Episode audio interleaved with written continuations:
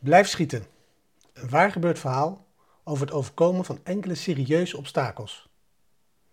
Er was eens, 1938 om precies te zijn, een pistoolschutter. Hij was ongelooflijk goed. Hij hoopte zelfs de allerbeste te worden.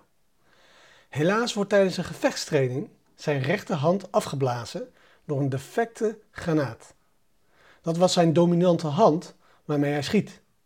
Alle hoop om de beste schutter te worden is op dat moment verloren. Of is dit nog niet het einde van het verhaal?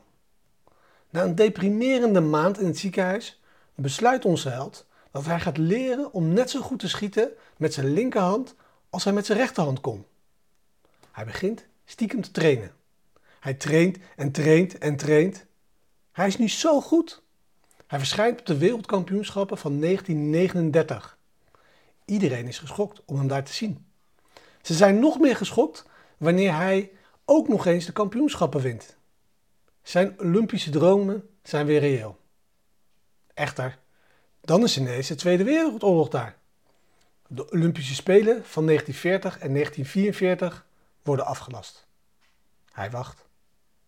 Hij verschijnt op de volgende Olympische Spelen. Hij is nu 38 jaar. De wereldkampioen vraagt hem wat hij daar doet. Ons held vertelt hem dat hij er is om te leren. Hij wint. Zijn naam is Carolee Takacs en hij blijft schieten. Het moreel van het verhaal? Blijf doorgaan als je obstakels in je leven ziet. Ze zijn niet het einde.